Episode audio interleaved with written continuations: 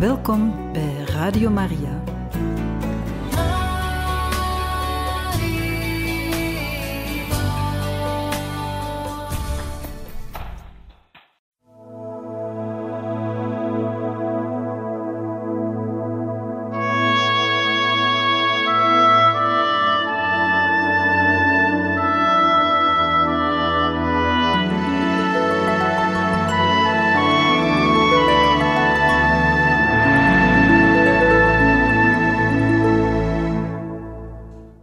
Lezen het laatste stukje van hoofdstuk 22, dat handelt over de toestand na Damiaan, 1889 tot 1995. Gulston Robert werd in september 1892 in San Francisco tot bisschop gewijd. Hem werd gevraagd om Damiaans eigendommen naar België te sturen, want de paters wilden er een museum over Hawaii openen. Dutton vond haast geen persoonlijke spullen, behalve een pijp met tandafdrukken, een foto van bisschop Maigret, twee foto's van André en foto's van de zusters en meisjes. Er waren heel wat religieuze prentjes, een foto van de grot van Lourdes en boeken over religieuze onderwerpen. Hij liet de meubelen, kleren en het gerief voor verscheping inpakken. Damiaan hield zijn correspondentie bij. De brieven van de koninklijke familie en de statuten van de orde van koning Kalakaua zaten in een speciale doos. Leonor liet de kisten op de kade roesten, deed niets om ze door de douane te krijgen. Na negen maanden zeuren liet ook Wendelin begaan. Een kist ging verloren. Wendelin begreep de onverschilligheid niet, want Damiaan werkte als een magneet op kandidaten en weldoeners. Zijn enige probleem was de luikenaar Conradi, die nu al vijf jaar wilde toetreden. Dutten diende in 1895 drie klachten tegen Conradi in. Wendelin vond er twee futiel en de derde was een verzinsel. Hij vroeg zich af of Dutten niet veel van de problemen rond Conradi in 1888 had gegenereerd. Toen in september 1893 de zusters nog steeds niet de leiding van de Baldwin Boys Home hadden overgenomen, nodigde bisschop Gulston tijdens zijn bezoek aan Parijs broeders uit.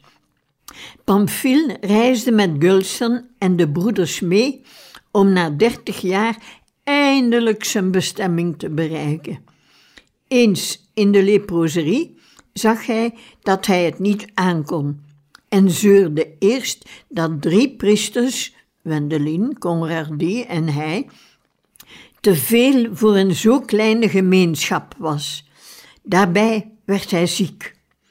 Toen op 25 maart 1896 Conradi zijn vergunning verloor en moest vertrekken, vond hij twee priesters te veel. De beslissing van de raad was definitief. Conradi kreeg zelfs geen toelating om als vrijwillige verpleger te werken. Toch had hij als een waar kind van de Picpus-congregatie Pamphile en de broeders Hawaiiaans geleerd. Hij gaf hen ook alle kennis die hij tijdens zijn acht jaren in de leproserie had opgedaan, zo goed mogelijk door. Conradi verdedigde zich een laatste keer in een krant en stelde Dutton verantwoordelijk voor zijn uitdrijving. Hij trok naar Oregon, waar hij geneeskunde studeerde. Toen hij zijn graad haalde, was hij bijna vijftig. Hij reisde daarna door Europa en de Verenigde Staten om er geld in te zamelen voor een Melaatse kolonie bij Canton in China. Hij was in San Francisco toen die stad door een aardbeving getroffen werd en bleef daar om gewonden te verzorgen en epidemieën te bestrijden. Zijn kolonie in China werd een groot succes, al publiceerde hij er niet over. Hij scheen dus uiteindelijk geen roem te zoeken. Hij stierf in China. In Calopaupa dolf Wendelin zijn oud plan weer op en dit keer kreeg hij zijn nieuwe kerk, die klaar was op 4 maart 1896. Tijdens de bouw voelde Wendelin zich verwant met Damiaan, want ook hij deed veel handwerk en jongens hielpen hem. Bisschop Gulston wijde de Sint-Franciscuskerk pas op 29 juni 1900 in. Waarom dit vier jaar te laat gebeurde, is niet geweten. Pamphile haatte Molokai en lepra en voelde verleiding. Hij had ook niets te doen, want vijf broeders, twee lekenhelpers, vijf zusters en pater Wendelin deden nu het werk veel beter dan Damiaan alleen had kunnen doen. In augustus 1897 dreigde Pamphile de congregatie te verlaten als hij niet naar Leuven terug mocht. Om een schandaal te vermijden, liet bisschop Gulstan hem gaan. Tot zijn dood hield Pamphile de beatificatie van zijn broer Damiaan voorbereiden. Politiek bracht het beatificatieproces terug aan het rollen. In 1898 bezette de Amerikaanse marine Honolulu. Hawaii werd Amerikaans grondgebied. Van die dag af hees Dutton elke dag de Amerikaanse vlag in Kalawao. Opnieuw ontketende zich een massale, een massale jacht op melaatsen. Het aantal sterfgevallen ging in stijgende lijn en veel mensen herinnerden zich de tijd toen Damiaan nog leefde. E.H. Hudson en professor Stoddard vroegen de Amerikaanse regering in naam van de Ave Maria-beweging de beatificatie van een man die in de nieuw gewonnen gebieden gewerkt had, te steunen. Het kon politiek belangrijk zijn. Washington ging akkoord. Een aantal patiënten en dokter Moritz werden ondervraagd. Gulstan bad tot Damiaan om een mirakel, want dat zou de zaak vooruit helpen. Maar aan de generaal bekende hij dat hij redenen had om te zwijgen. De generaal drong niet meer aan, want de advocaten van de congregatie voor zalig en heiligverklaringen, die bij het Vaticaans Hoogrechtshof moesten pleiten, kostten handenvol geld. De getuigen verdwenen één na één. Meijer stierf in 1897 en werd opgevolgd door Charles Reynolds, die als superintendent Damiaan had gekend. Gerard de Veuster ging voor de tweede keer failliet en stelde aan de Picpus-orde voor om het ouderlijk huis te kopen. In 1902 verhuisde hij. Het huis werd opgebouwd tot noviciaat en een kapel, eetzaal en enkele slaapkamers werden bijgebouwd. De kapel werd later nog vergroot. Alleen de twee kamers op het gelijkvloers bleven behouden. Het noviciaat werd tijdens de Eerste Wereldoorlog geplunderd en dingen die aan Damiaan hadden toebehoord verdwenen. In 1929 bouwde de orde een noviciaat in de tuin en bijkomende gebouwen werden in 1933 opgetrokken. Leonor bleef provinciaal tot het einde van de eeuw, maar werd kinds en dreigde zich te verhangen. In plaats van te brevieren las hij zijn krant en hij hield zijn gelofte van armoede in het geheel niet. Hij stierf op 29 december 1902 aan een hersenbloeding. Op 12 augustus 1906 brandde de nieuwe Sint-Franciscuskerk in Kalaupapa af. Dat gebeurde op een ogenblik toen beide dorpen één grote werf waren. Dr. Charles B. Cooper had de Amerikaanse autoriteiten ervan overtuigd om wetenschappelijk onderzoek te voeren op Molokai. Op 3 maart 1905 keurde het Amerikaans congres 100.000 dollar, Amerikaanse dollars, goed voor het bouwen van een hospitaal met laboratorium en 50.000 dollar werkingsgeld voor het eerste jaar. De Public Health and Marine Hospital was een schitterend gebouw. Alle moderne voorzieningen waren aanwezig, maar de patiënten wensten normaliteit, geen gereglementeerd hospitaalleven. Het gebouw werd kort na de opening gesloten bij gebrek aan patiënten.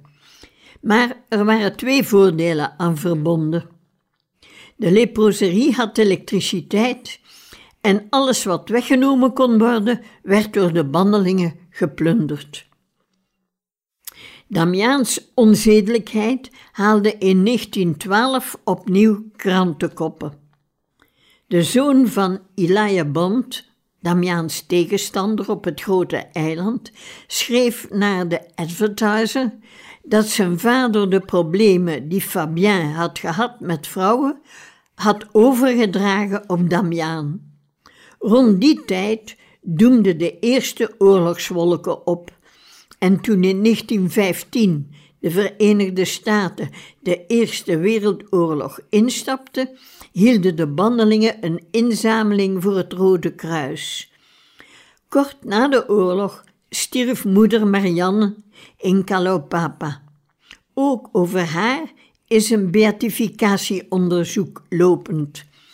Zuster Leopoldina maakte de Tweede Wereldoorlog mee, want zij stierf in 1942. Dutton verliet één keer Kalopapa om in een hospitaal in Honolulu in 1932 te sterven.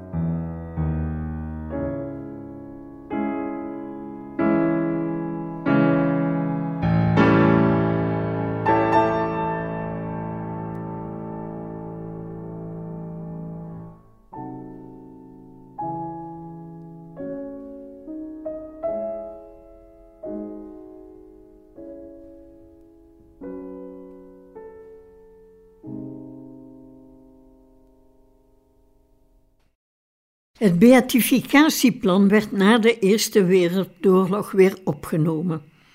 De opvolger van Gulston, bisschop Elencaster, bracht Damiaan ter sprake tijdens zijn audiëntie bij koning Leopold III.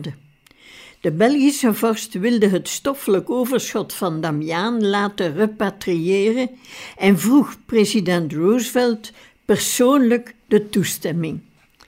Hij argumenteerde dat de Hawaiianen het graf verwaarloosden, terwijl Europa Damiaan niet vergeten was.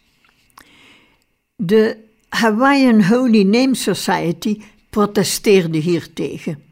Het was Damiaans uitdrukkelijke wens om onder de pandan te rusten.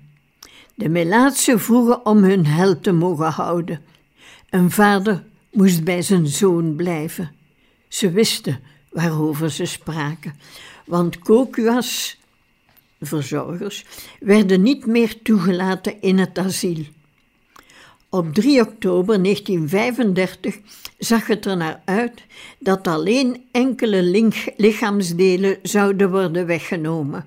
Maar enkele maanden later sprak bisschop Elen Castle dit tegen.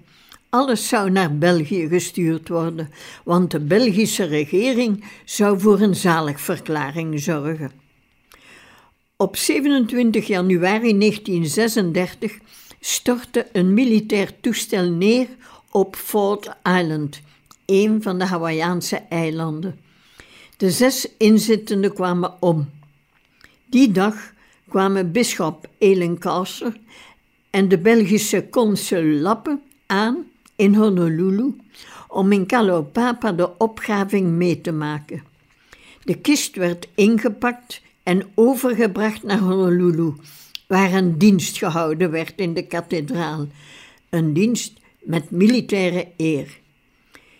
De stoffelijke overschotten van de slachtoffers van de vliegtuigramp en Damiaan werden samen naar San Francisco verscheept op de USS Republic.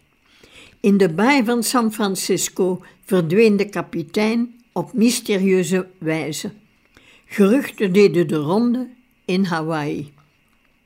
Opnieuw werd een gedenkdienst gehouden in de kathedraal, waarna de kist door de USS Republic naar Panama werd verscheept, waar het op het Belgische opleidingsschip Mercator werd overgedragen. Tijdens de verscheping viel de kist in zee. Damiaan rust sinds 1936 in Leuven. De hand is terug naar Hawaii. De dag na de beatificatie in 1995 opende Hawaïaanse bisschop Di Lorenzo en provinciaal Bukowski de koa houten doos met de resten van de twee vingerkootjes die nooit lepra ontwikkelden in het Brussels Conrad Hilton. De aanwezige Hawaïanen, bijna allemaal patiënten, weenden en hielden rieten die aanleunden bij het oude geloof. Het stof van Damiaans hand werd op 22 juli 1995 terug ingegraven op de plaats die Damiaan voor zichzelf naast het bange meisje had gereserveerd.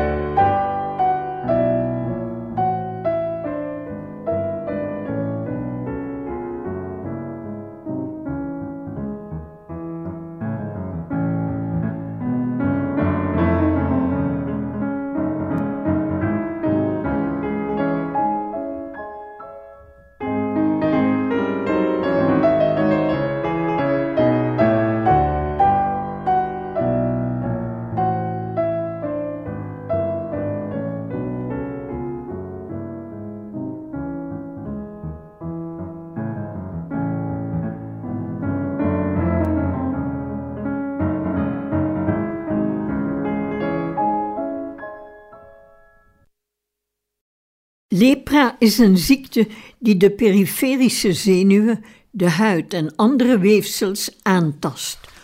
Ogen, spieren, beenderen, testes, de mucosa van het bovenste ademhalingsstelsel worden aangetast.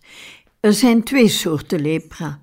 Mensen met geringe weerstand tegen Microbacterium leprae, verwant met de bacterie die tuberculosis veroorzaakt, ontwikkelen leproma. Die uitwassen zitten vol bacteriën. Zo lepra niet behandeld wordt, gaat de patiënt geleidelijk achteruit en wordt zijn lichaam bedolven onder misvormingen. De, tuberco, de tuberculoïde vorm is minder kwaadaardig. Er zijn minder bacteriën, zodat de ziekte minder snel wordt overgedragen. Spontane genezing komt voor, maar de zenuwbeschadiging kan niet ongedaan gemaakt worden. Deze vorm tast vooral de huid en zenuwen aan. De incubatietijd ligt tussen de zes maanden en 15 jaar. Men sterft niet van lepra, maar het vermindert de weerstand en maakt de patiënt vatbaar voor andere, vaak fatale infecties. De Wereldgezondheidsorganisatie schat dat er ongeveer 15 miljoen gevallen van lepra wereldwijd zijn. Minder dan 20% ontvangen regelmatig verzorging. Lepra is nu een derde wereldziekte geworden, die sinds 1940 met dapsone, een sulfone medicatie, kan behandeld worden. Vanaf 1947 kregen de patiënten op Calopapa deze medicatie toegediend, in combinatie met penicilline en mycine. De epidemie was hiermee ingedijkt, maar pas in 1969 werd in Hawaii, toen al een Amerikaanse staat, de segregatiewet opgeheven. In de 19e eeuw was Hawaii lang niet het enige land waar segregatie als vorm van epidemiebestrijding werd gebruikt. Robbeneiland, waar later de Zuid-Afrikaanse president Nelson Mandela zou opgesloten worden, was toen een leproserie. In Noorwegen, Australië, Japan, Ceylon, eh, het huidige Sri Lanka dus, en Canada waren segregatiewetten in voegen. Maar Kalopapa was het eerste overheidsleprosarium en stond model. Om de herinnering aan zoveel pijn en verdriet te behouden, werd Kalopapa in 1980 een National Historical Park. Mahatma Gandhi schreef over Damiaan, citaat, de politieke en journalistieke wereld kent maar een paar helden die een vergelijking met Pater Damiaan van Molokai doorstaan. De katholieke kerk daarentegen kent duizenden die in navolging van Pater Damiaan zichzelf toeleggen op de verzorging van melaatsen. Het is het waard om naar de bron van zulke heldhaftigheid te zoeken. Einde citaat. Daarom riep Paulus VI in 1977 Damiaan uit tot venerabel. Hij was verering waard. Voor een zaligverklaring is een mirakel nodig. Op 7 mei 1984 schreef moeder Teresa aan paus Johannes Paulus II Zoals u weet werken wij tussen duizenden Melaatsen in India, Jemen, Ethiopië en Tanzania. We zetten mobiele hospitalen en rehabilitatiecentra op, op overheidsgronden. Om dit mooie liefdes- en geneeskundig werk te kunnen voortzetten, hebben we een heilige nodig om ons te leiden en te beschermen. Pater Damiaan kan die heilige zijn. Heilige Vader, onze Melaatse en iedereen op aarde smeken u om ons een heilige, een liefdesmartelaar te geven, een voorbeeld van gehoorzaamheid aan onze godsdienst. Einde citaat. Moeder Teresa had een oplossing voor het, voor het uitblijven van een mirakel. Ik ken een echt mirakel, schreef ze. Het wegnemen van de angst bij de melaatse om de ziekte te erkennen, bekennen en naar verzorging te vragen. De geboorte van de hoop op genezing is een mirakel. Einde citaat. En ze zag een tweede wonder. Citaat. De wijziging in de houding van de mensen en regeringen tegenover de melaatse. Meer zorg, minder angst en de bereidheid voortdurend te helpen. Einde citaat. De Romeinse Congregatie voor de Zaken van Heiligen haalde het oude mirakel van zuster Simplicie Hu, een Franse pikpuszuster, weer naar boven. Ze was 37 toen ze darmproblemen kreeg. De ziekte duurde maanden. Op 11 september 1895 viel ze bewusteloos. Toen ze haar kracht voelde wegzinken, begonnen de zusters een noveen voor Damiaan. De volgende dag werd ze wakker. Ze lag op de zij, wat ze tevoren niet kon doen, en ze had geen pijn meer.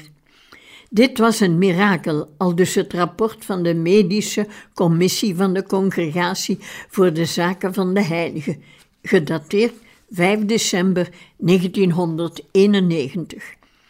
De beatificatie zou plaatsvinden in mei 1994 te Brussel, maar paus Johannes Paulus II brak enkele dagen eerder zijn been.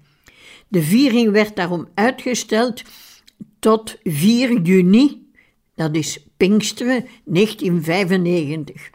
Een zaligverklaring is de laatste stap voor men heilig kan verklaard worden. Maar ook daar zijn mirakels voor nodig.